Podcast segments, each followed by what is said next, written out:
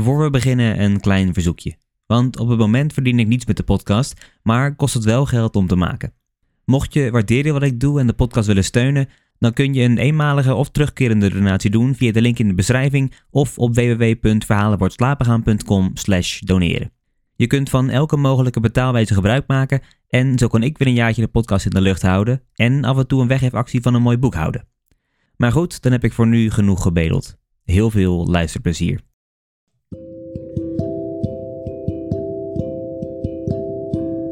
Hallo allemaal en welkom. Mijn naam is Mike en in deze aflevering lees ik het negende en tiende hoofdstuk voor uit Multitudes Max Havelaar. Dit is Verhalen voor het slapen gaan.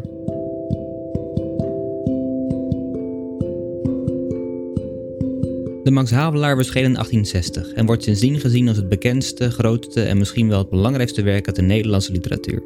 In het boek staat de bevrijding van de Javaan centraal en de meeste van jullie zullen de naam Max Havelaar vooral kennen van het handelsmerk. Mocht je meer willen weten over de geschiedenis en de context van de Max Havelaar, dan verwijs ik je graag naar de tweede aflevering van deze podcast, waarin ik het werk introduceer. In de afgelopen paar hoofdstukken hebben we uitgebreid kennis gemaakt met Max Havelaar en de personen die om hem heen staan. We hebben gezien hoe Havelaar zijn ambt werd aangesteld en zijn werk begon met een grote speech, waarin hij zijn medebestuurders aanspoorde om recht te doen en er alles aan te doen om het onrecht tegen te gaan.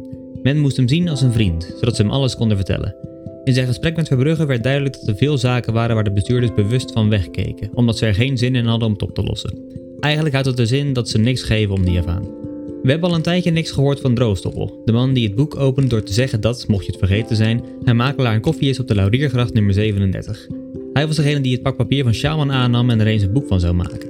Althans, zijn stagiair Stern was het opschrijven en Droostoppel zou zelf af en toe ook nog een woordje tussen proppen. Bij deze woordjes zijn we nu dan eindelijk aangekomen. De komende twee hoofdstukken staan in het teken van Droostoppel en het leven in Nederland. We gaan zien wat deze zelfingenomen man nu weer te vertellen heeft. Dit is de Max Havelaar. Negende hoofdstuk. Ik gaf er veel voor met juist te weten, lezer, hoe lang ik nu een heldin in de lucht zou kunnen laten zweven, vorige bij de beschrijving van een kasteel mijn boek moedeloos uit de hand zou leggen, zonder te wachten tot het mens op de grond kwam. Als ik in mijn verhaal zulke een luchtsprong nodig had, zou ik voorzichtigheidshalve nog altijd een eerste verdieping kiezen als uitgangspunt van haar sprong, en een kasteel waarvan weinig te zeggen viel. Wees echter voorlopig gerust. Havelaarshuis had geen verdieping. En de heldin van mijn boek, goede hemel, de lieve trouwe aanspreekloze Tine, een heldin, is nooit uit een venster gesprongen. Toen ik het vorige hoofdstuk sloot met een aanwijzing op wat afwisseling in het volgende, was het eigenlijk meer een oratische kunstgreep. En om een slot te maken dat goed knipte, dan wel omdat ik inderdaad meende dat het volgende hoofdstuk alleen ter afwisseling waarde hebben zou. Een schrijver is ijdel als een man. Spreek kwaad van zijn moeder of van de kleur zijn haren, zegt dat hij een Amsterdams accent heeft, wat nooit in Amsterdam toestemt, wellicht vergeeft hij u die dingen, maar roer nooit aan de buitenzij van het kleinste onderdeel en erbijzaak van iets dat er lag naast zijn geschrijf, want dat vergeeft hij u niet. Als ge dus mijn boek niet schoon vindt en ge mocht mij ontmoeten, houdt u dan alsof wij elkaar niet kenden. Nee, zelfs zulk een hoofdstuk ter afwisseling komt me door het vergrootglas mijner schrijversijdelheid hoogst belangrijk en zelfs onmisbaar voor. En als ge het oversloegt en daarna niet naar behoren waar het ingenomen hebt mijn boek, zou ik niet aarzelen het overslaan te verwijten als oorzaak dat ge mijn boek niet kon beoordelen, want dat ge juist het essentiële niet gelezen had. Zo zou ik, want ik ben man en schrijver, elk hoofdstuk voor essentieel houden, dat gij had overgeslagen met onvergeeflijke lezerslichtzinnigheid. Ik verbeeld me dat uw vrouw vraagt, er is nogal wat aan dat boek. En gezegd bijvoorbeeld, horribile audituur voor mij, met de woorden rijkheid die eigen is aan gehuwde mannen, hmm, zo weet ik nog niet. Wel nu, barbaar, lees verder. Het belangrijke staat juist voor de deur. En met een bevende lip sta ik u aan en meet de dikte van de omgeslagen bladen en ik zoek op uw gelaat naar de weerschijn van het hoofdstuk dat zo mooi is. Nee, zeg ik, hij is er nog niet. Straks zal hij opspringen, in vervoering iets omhelzen, zijn vrouw misschien. Maar geleest verder. Het mooie hoofdstuk moet voorbij wezen, dunkt me. Ge zijt dit minst niet opgesprongen, hebt niets omhelst. En al dunner wordt de bundel bladen onder uw rechterduim en als schraler wordt mijn hoop op die omhelzing. Ja, waarachtig. Ik had zelf staat gemaakt op een traan. En ge hebt de roman uitgelezen tot waar ze elkaar krijgen toe. En gezegd, een andere vorm van welsprekendheid in de echte staat, geeuwend: Zo, zo. Het is een boek dat. Hmm. Och, ze schrijven zoveel tegenwoordig.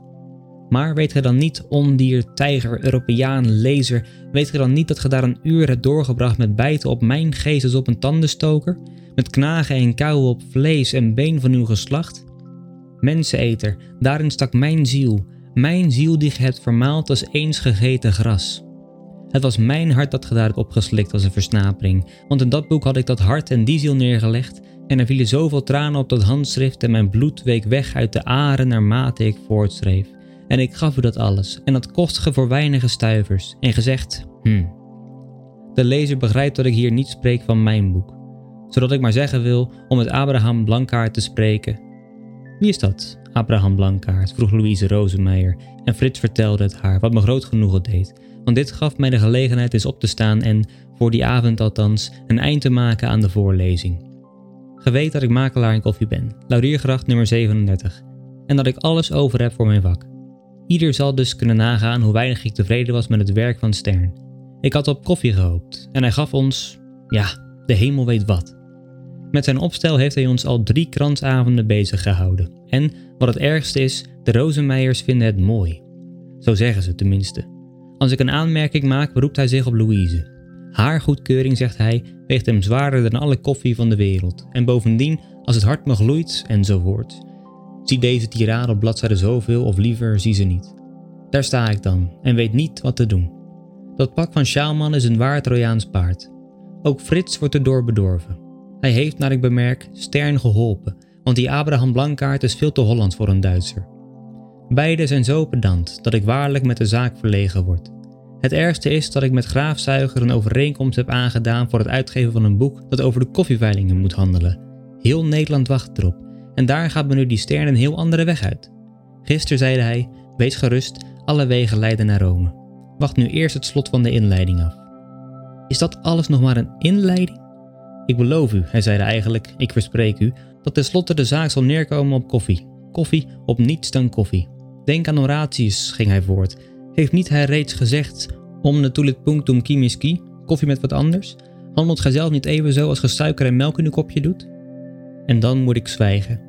Niet omdat hij gelijk heeft, maar omdat ik aan de firma Lastinko verplicht ben zorg te dragen dat de oude stern niet vervallen in Busselink en Waterman, die hem slecht zouden bedienen omdat het knoeiers zijn.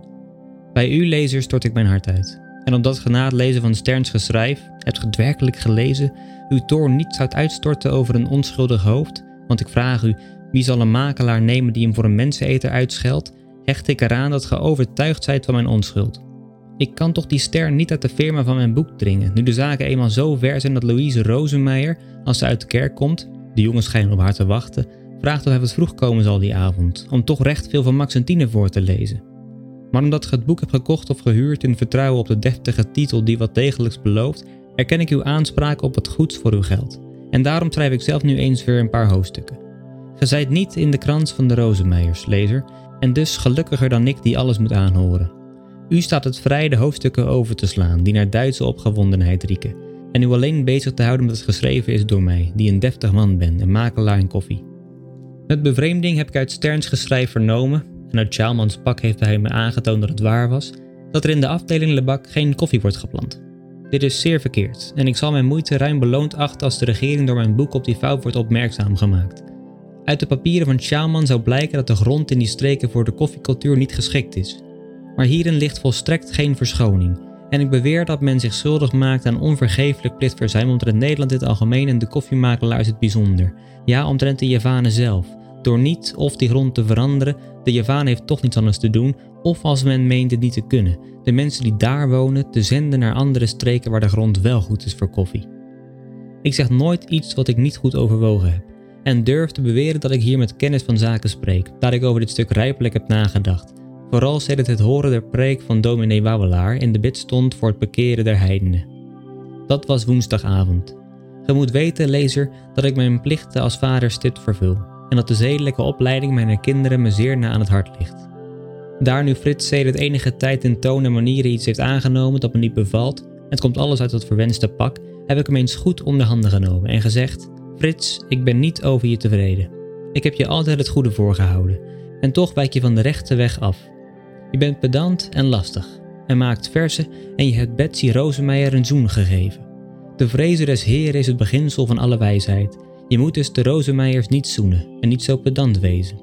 Zedeloosheid brengt ten verderven, jongen. Lees in de schrift en let eens op die sjaalman. Hij heeft de wegen van de Heer verlaten. Nu is hij arm en woont op een klein kamertje. Zie daar de gevolgen van onzedelijkheid en slecht gedrag. Hij heeft verkeerde artikels in de Independance geschreven en de Aglaya laten vallen. Zo gaat het als men wijs is in zijn eigen ogen. Hij weet nu niet eens hoe laat het is en zijn jongetje heeft maar een half broekje aan.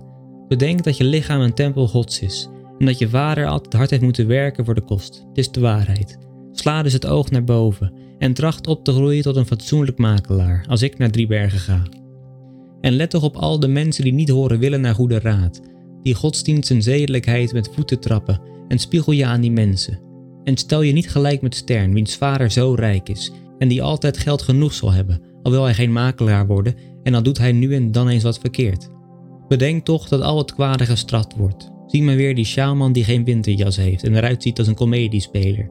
Luister toch goed in de kerk en zit daar niet zo heen en weer te draaien op je bank alsof het je verveelde, jongen, want wat moet God daarvan denken? De kerk is zijn heiligdom, zie je? En wacht geen jonge meisjes op als het uit is, want dit neemt de stichting weg. Maak ook Marie niet aan het lachen als ik bij het ontbijt uit de schrift lees. Dat komt in een fatsoenlijk huishouden niet te pas. Ook heb je poppetjes getekend op het legblad van Bastiaans toen de man weer niet binnen was, omdat hij telkens de jicht heeft. Dat houdt een mens op het kantoor van hun werk en er staat in Gods woord dat zulke dwaasheden tot verderven leiden. Die sjaalman deed ook verkeerde dingen toen hij jong was. Hij heeft als kind op de Westermarkt een Griek geslagen. Nu is hij lui, pedant en ziekelijk, zie daar.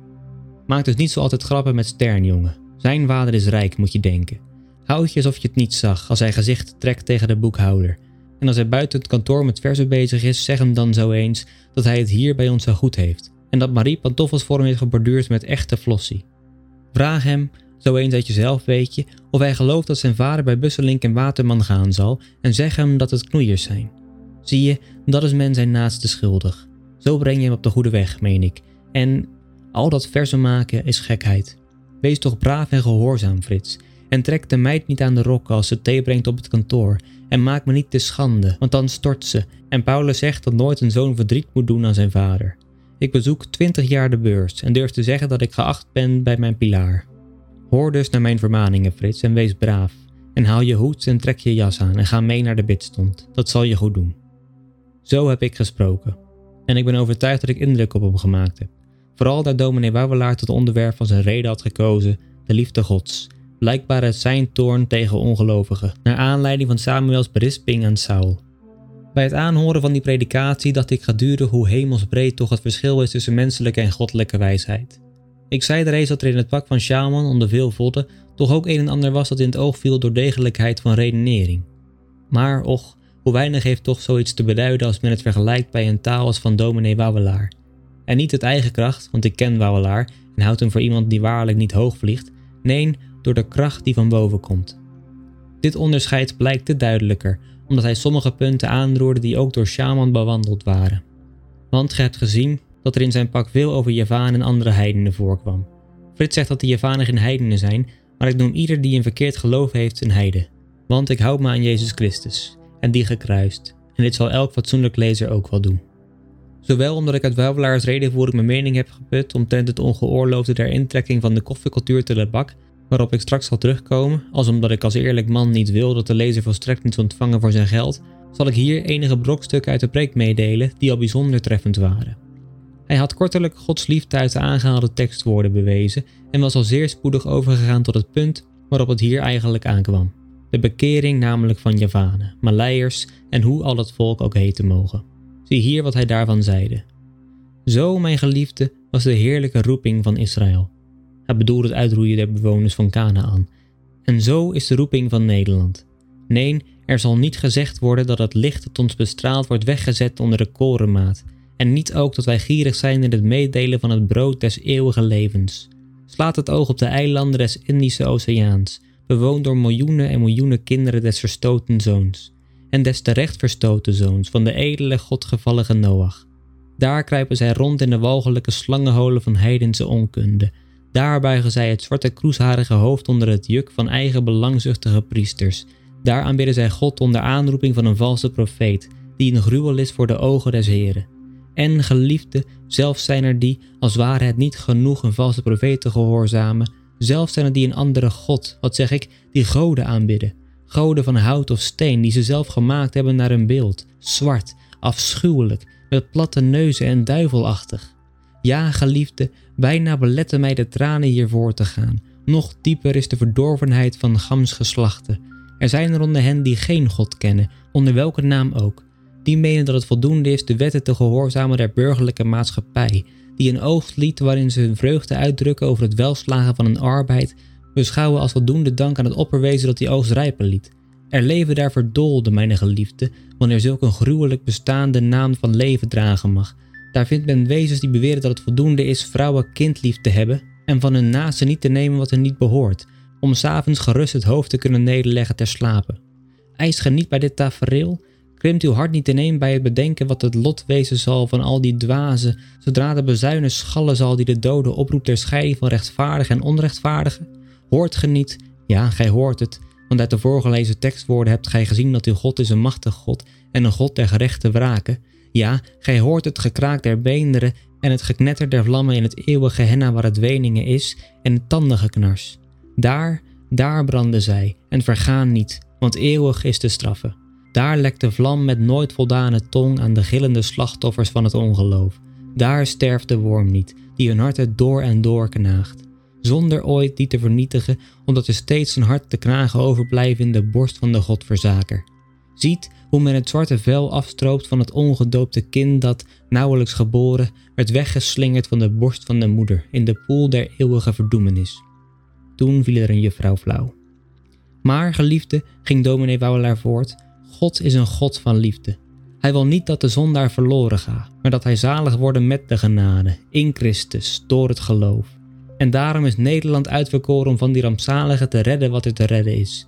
Daartoe heeft hij in zijn onnaspeurlijke wijsheid aan een land, klein van omvang, maar groot en sterk door de kennisse Gods, macht gegeven over de bewoners dier gewesten, opdat zij door het heilig nooit volprezen evangelium worden gered van de straffen der helle. De schepen van Nederland bevaren de grote wateren en brengen beschaving, godsdienst, christendom aan de verdoolde Javaan. Nee, ons gelukkig Nederland begeert niet voor zich alleen de zaligheid.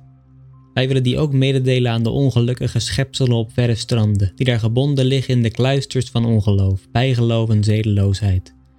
Het beschouwen van de plichten die ten deze op ons rusten, zal het zevende deel mijn reden uitmaken. Want wat vooraf ging was het zesde. Onder de plichten die wij ten aanzien van die arme heidenen te vervullen hebben, werden genoemd 1. Het geven van ruime bijdrage in geld aan de zendelingsvereniging. 2. Het ondersteunen der bijbelgenootschappen ten einde deze in staat te stellen bijbels op Java uit te delen. 3. Het bevorderingen van oefeningen te Harderwijk ten dienste van het koloniaal werfdepot. 4. Het schrijven van preken en godsdienstige gezangen, geschikt om door soldaten en matrozen aan de Javanen te worden voorgelezen en voorgezongen. 5.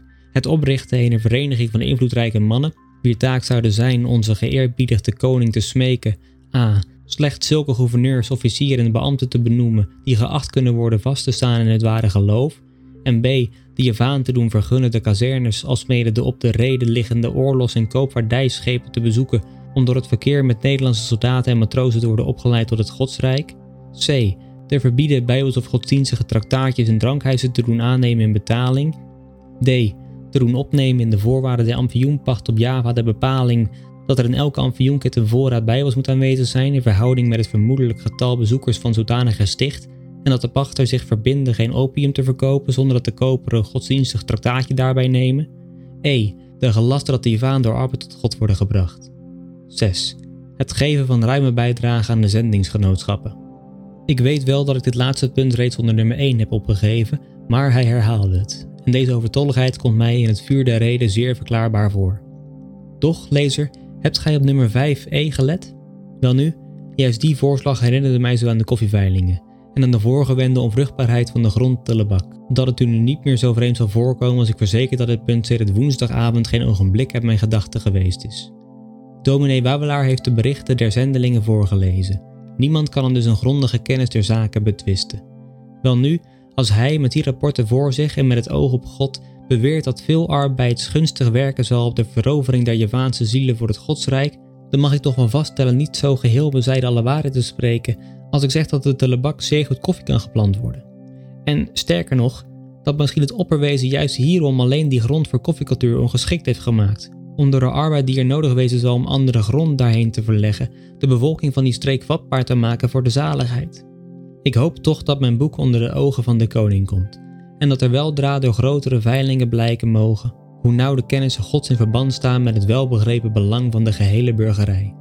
Zie eens hoe de eenvoudige en nederige wawelaar zonder wijsheid naar de mens, de man heeft nooit een voet op de beurs gezet, maar voorgelegd door het evangelie dat een lamp op zijn pad is, mij, makelaar in koffie, daarop eenmaal een wenk geeft die voor heel Nederland belangrijk is niet alleen, maar die mij in staat zal stellen als Frits goed oppast, hij heeft redelijk stilgezeten in de kerk, wellicht vijf jaren vroeger naar Driebergen te gaan. Ja, arbeid, arbeid, dat is mijn wachtwoord. Arbeid voor de Javaan, dat is mijn principe. En mijn principes zijn mij heilig. Is niet het evangelie het hoogste goed? Gaat er iets boven de zaligheid? Is het dus niet onze plicht die mensen zalig te maken? En wanneer als hulpmiddel hiertoe arbeid nodig is, ik zelf heb 20 jaar de beurs bezocht, mogen we dan de Javaan arbeid weigeren? Waar zijn ziel daaraan zo dringend behoefte heeft om later niet te branden? Zelfzucht zou het wezen, schandelijke zelfzucht als we niet alle pogingen aanwenden om die arme verdolde mensen te behouden voor de verschrikkelijke toekomst die dominee Wawelaar zo welsprekend geschetst heeft. Er is een juffrouw flauw gevallen toen hij van dat zwarte kind sprak. Misschien dat ze een jongetje dat er wat donker uitzag. Vrouwen zijn zo. En zou ik niet aandringen op arbeid, ik die zelf van de morgen tot de avond aan de zaken denk, is niet reeds dit boek, dat stermen zo zuur maakt, een bewijs hoe goed ik het meen met de welvaart van ons vaderland en hoe ik daarvoor alles vuil heb? En als ik zo zwaar moet arbeiden, ik die gedood ben in de Amstelkerk, zou men dan van de Javaan niet mogen vorderen dat hij die zijn zaligheid nog verdienen moet de handen uitsteekt? Als die vereniging, van nummer 5e meen ik, tot stand komt, sluit ik me daarbij aan. En ik zal ook de Rozemeijers hiertoe trachten over te halen, omdat de suikerraffinadeurs er ook belang bij hebben, schoon ik niet geloof dat ze zeer zuiver zijn in hun begrippen. De Rozemeijers neem ik, want ze houden een Roomse meid. Hoe het zij, ik zal mijn plicht doen. Dit heb ik mezelf beloofd toen ik met Frits van de Bidstond naar huis ging. In mijn huis zal de Heere gediend worden, daarvoor zal ik zorgen. En dit met te meer ijver, omdat ik hoe langer hoe meer inzie hoe wijs alles geregeld is. Hoe liefderijk de wegen zijn waar langs wij worden geleid aan Gods hand. En hoe Hij ons behouden wil voor het eeuwige en voor het tijdelijke leven. Want die grond de lebak kan zeer goed geschikt worden gemaakt voor de koffiecultuur. Tiende hoofdstuk. Hoewel ik, waar het principe geldt, niemand ontzie, heb ik toch begrepen dat ik met Stern een andere weg moet inslaan dan met Frits. En daar het te voorzien is dat mijn naam, de firma is Lasting Co, maar ik heet Droogstoppel, Batavus Droogstoppel, in aanraking komen zal met een boek waarin zaken voorkomen die niet stroken met de eerbied die elk fatsoenlijk man en makelaar zichzelf verschuldigd is, acht ik het mijn plicht u mee te delen hoe ik getracht heb ook die stern terug te brengen op de ware weg. Ik heb hem niet van de Heer gesproken, omdat hij Luthers is, maar ik heb gewerkt op zijn gemoed en zijn eer. Zie hier hoe ik dit heb aangelegd en merk daarbij op hoe ver men het brengt met menskunde. Ik had hem horen zeggen auf Ehrenwoord en vroeg wat hij daarmee bedoelde. Wel, zeide hij, dat ik mijn eer verpand voor de waarheid van wat ik zeg. Dat is zeer veel, hernam ik. Ben je zo overtuigd altijd de waarheid te zeggen? Ja, verklaarde hij. De waarheid zeg ik altijd, als de borst me gloeit. De lezer weet de rest. Dat is waarlijk zeer schoon, zei ik, en ik hield me heel onnozel alsof ik het geloofde. Maar hierin lag juist de fijnheid van de strik die ik hem spande met het doel om, zonder gevaar te lopen, de oude ster in handen van Busselink en Waterman te zien vallen, toch dat jonge kereltje eens goed op zijn plaats te zetten en hem te doen gevoelen hoe groot de afstand is tussen iemand die pas begint, al doet dan ook zijn vader grote zaken, en een makelaar die 20 jaar de beurs bezocht heeft. Het was me namelijk bekend dat hij allerlei tuig van vers uit zijn hoofd wist. Hij zegt uitwendig. En daar versen altijd leugens bevatten, was ik zeker dat ik hem zeer spoedig zou betrappen op onwaarheid. Dit duurde dan ook niet lang. Ik zat in de zijkamer en hij was in de suite, want we hebben een suite. Marie was aan het breien en hij zou haar wat vertellen. Ik luisterde aandachtig toe en toen het uit was vroeg ik hem of hij het boek bezat, waarin het ding stond dat hij daar zo even had opgedeund. Hij zei ja en bracht het mij. Het was een deeltje der werken van zekere Heine. De volgende morgen gaf ik hem, aan Stern meen ik, de onderstaande. Beschouwingen omtrent de waarheidsliefde van iemand die het volgende prul van Heine voorzegt aan een jong meisje dat in de suite zit te breien. Auf Flügeln des Gesanges. Herzliebchen, trag in dich voort. Herzliebchen? Marie, jouw herzliebchen? Weten je oude lui daarvan en Louise Rosemeijer? Is het braaf dit te zeggen aan een kind dat door zoiets al zeer licht ongehoorzaam zou worden aan haar moeder, door zich in het hoofd te halen dat ze mondig is omdat men haar herzliebchen noemt? Wat beduidt dat? Voordragen op je vleugels. Je hebt geen vleugels en je gezang ook niet. Probeer het eens over de Lauriergracht, die niet eens heel breed is. Maar al had je vleugels, mag je dan zulke dingen voorstellen aan een meisje dat haar belijdenis niet gedaan heeft? En al was het kind aangenomen. Wat beduidt het aanbod van wegvliegen samen? Foei. Voort nach den Fluren des Ganges. Daar wijs ik den schönsten Ort. Ga er dan alleen heen en huur er een optrek. Maar neem niet een meisje mee dat haar moeder moet helpen in het huishouden. Maar je meent het ook niet. Voor eerst heb je nooit de ganges gezien en kunt dus niet weten of het daar goed leven is. Wil ik je eens zeggen hoe de zaken staan? Het zijn alles leugens, die je alleen daarom vertelt omdat je in al het gevers je tot slaaf maakt van maat en rijm. Als de eerste regel geëindigd was op koek, wijn, Kina, zou je aan Marie gevraagd hebben of ze meeging naar Broek, Berlijn, China, enzovoort. Je ziet dus dat je voorgestelde reisroute niet oprecht gemeend was, en dat alles neerkomt op een laf geklinklank van woorden zonder slot of zin.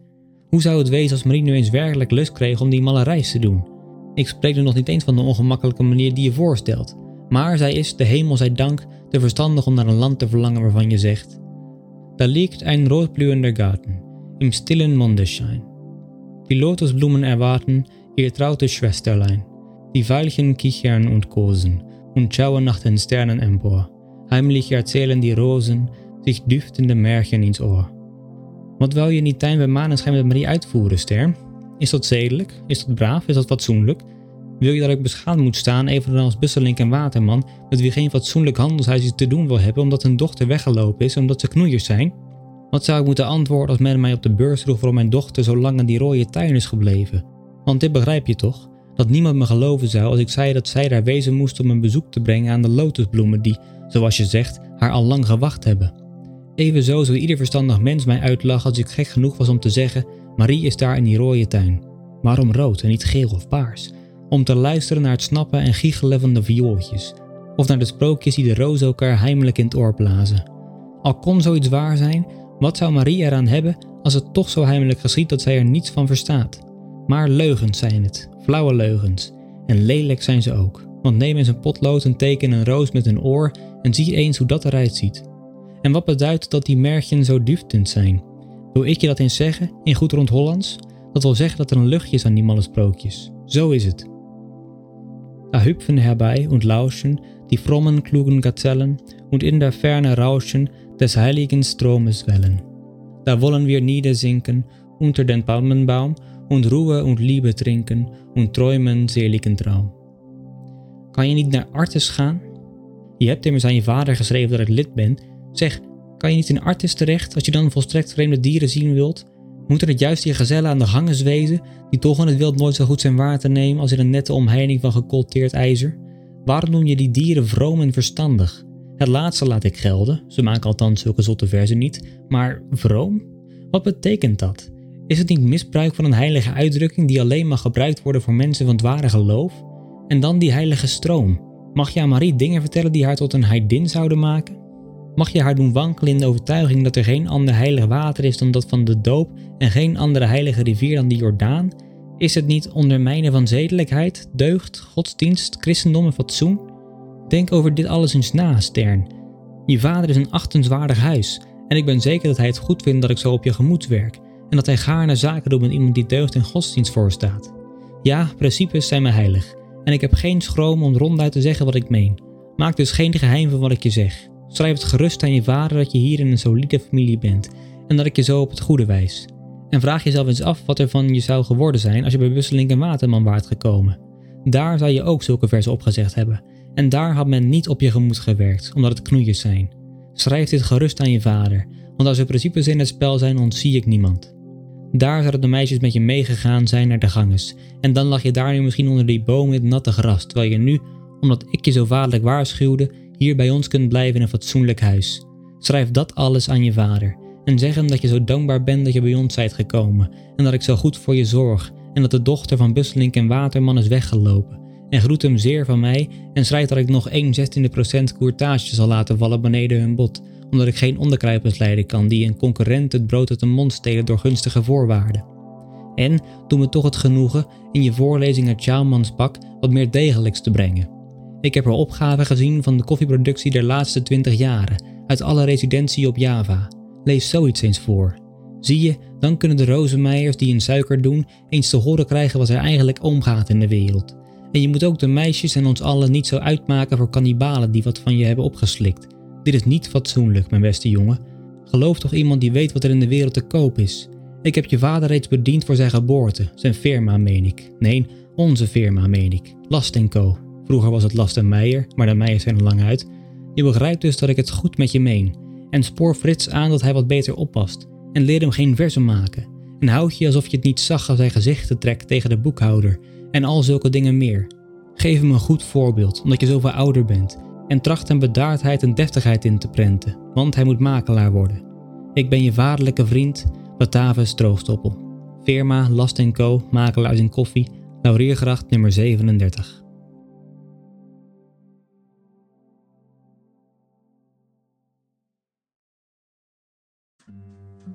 Dat waren hoofdstukken 9 en 10, waarbij in beide hoofdstukken Droogstoppel aan het woord was.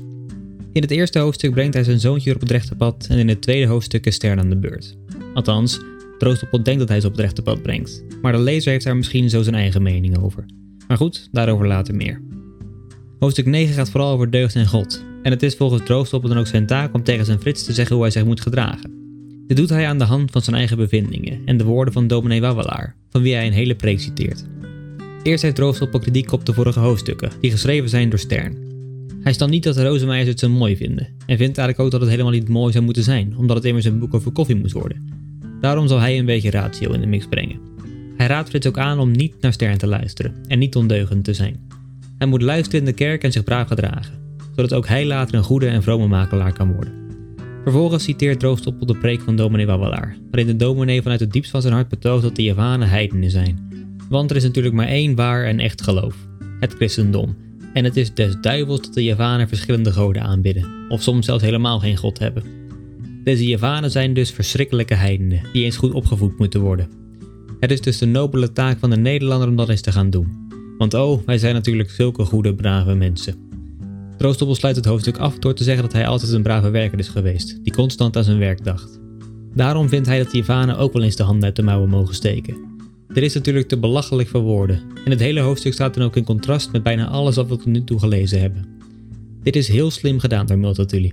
We hebben in de hoofdstukken hiervoor gelezen wat voor onrecht de Javaan wordt aangedaan, en als lezer weten we ook dat de Nederlanders eigenlijk de kwaadaardige onderdrukkers zijn. Doordat Droogstoppel vervolgens al deze dingen zegt, weten we dat hij ongelijk heeft, en beginnen we hem eigenlijk bijna te zien als een eikel. Dit werkt heel goed in de retoriek van de Max Havelaar. Door iemand die we niet mogen en wantrouwen op te laten treden als verteller, nemen we bijna altijd het tegenovergestelde van wat hij zegt aan en nemen we hem niet serieus. Hierdoor wordt dus de positie van Stern, Max en Multatuli nog sterker. Hierin zit denk ik de kracht van de Max Havelaar. In het tiende hoofdstuk krijgen we eigenlijk hetzelfde verhaal als we aan het begin van het boek hebben gehad. Troostpol geeft Stern een standje en hekelt de versjes. Hij laat zien dat er in versen en verhalen alleen maar leugen zitten en betoogt dus dat Stern alleen maar onzin zit te verklaren. Maar als lezer zijn we het dus onderhand al niet meer eens met Troostoppel en krijgen we bijna medelijden met Stern. Ik ben overigens best blij dat Ster een Duitser was en geen Fransman. Anders had ik Franse versen voor moeten lezen en ik ben bang dat dat echt mis zou zijn gegaan. In het volgende hoofdstuk neemt Stern weer de pen in handen en lezen we verder over Max Havelaar. We nemen dus voorlopig weer even afscheid van Droogstoppel. We mogen weer even bijkomen. Ik wil jullie hartstikke bedanken voor het luisteren naar deze podcast. Voor achter de schermen, updates, vragen of opmerkingen kun je me vinden op Instagram of Facebook onder de naam Verhalen wordt slapen gaan. En dan zie, slash hoor ik jullie volgende week. Voor nu, goede nacht. Slaap zacht.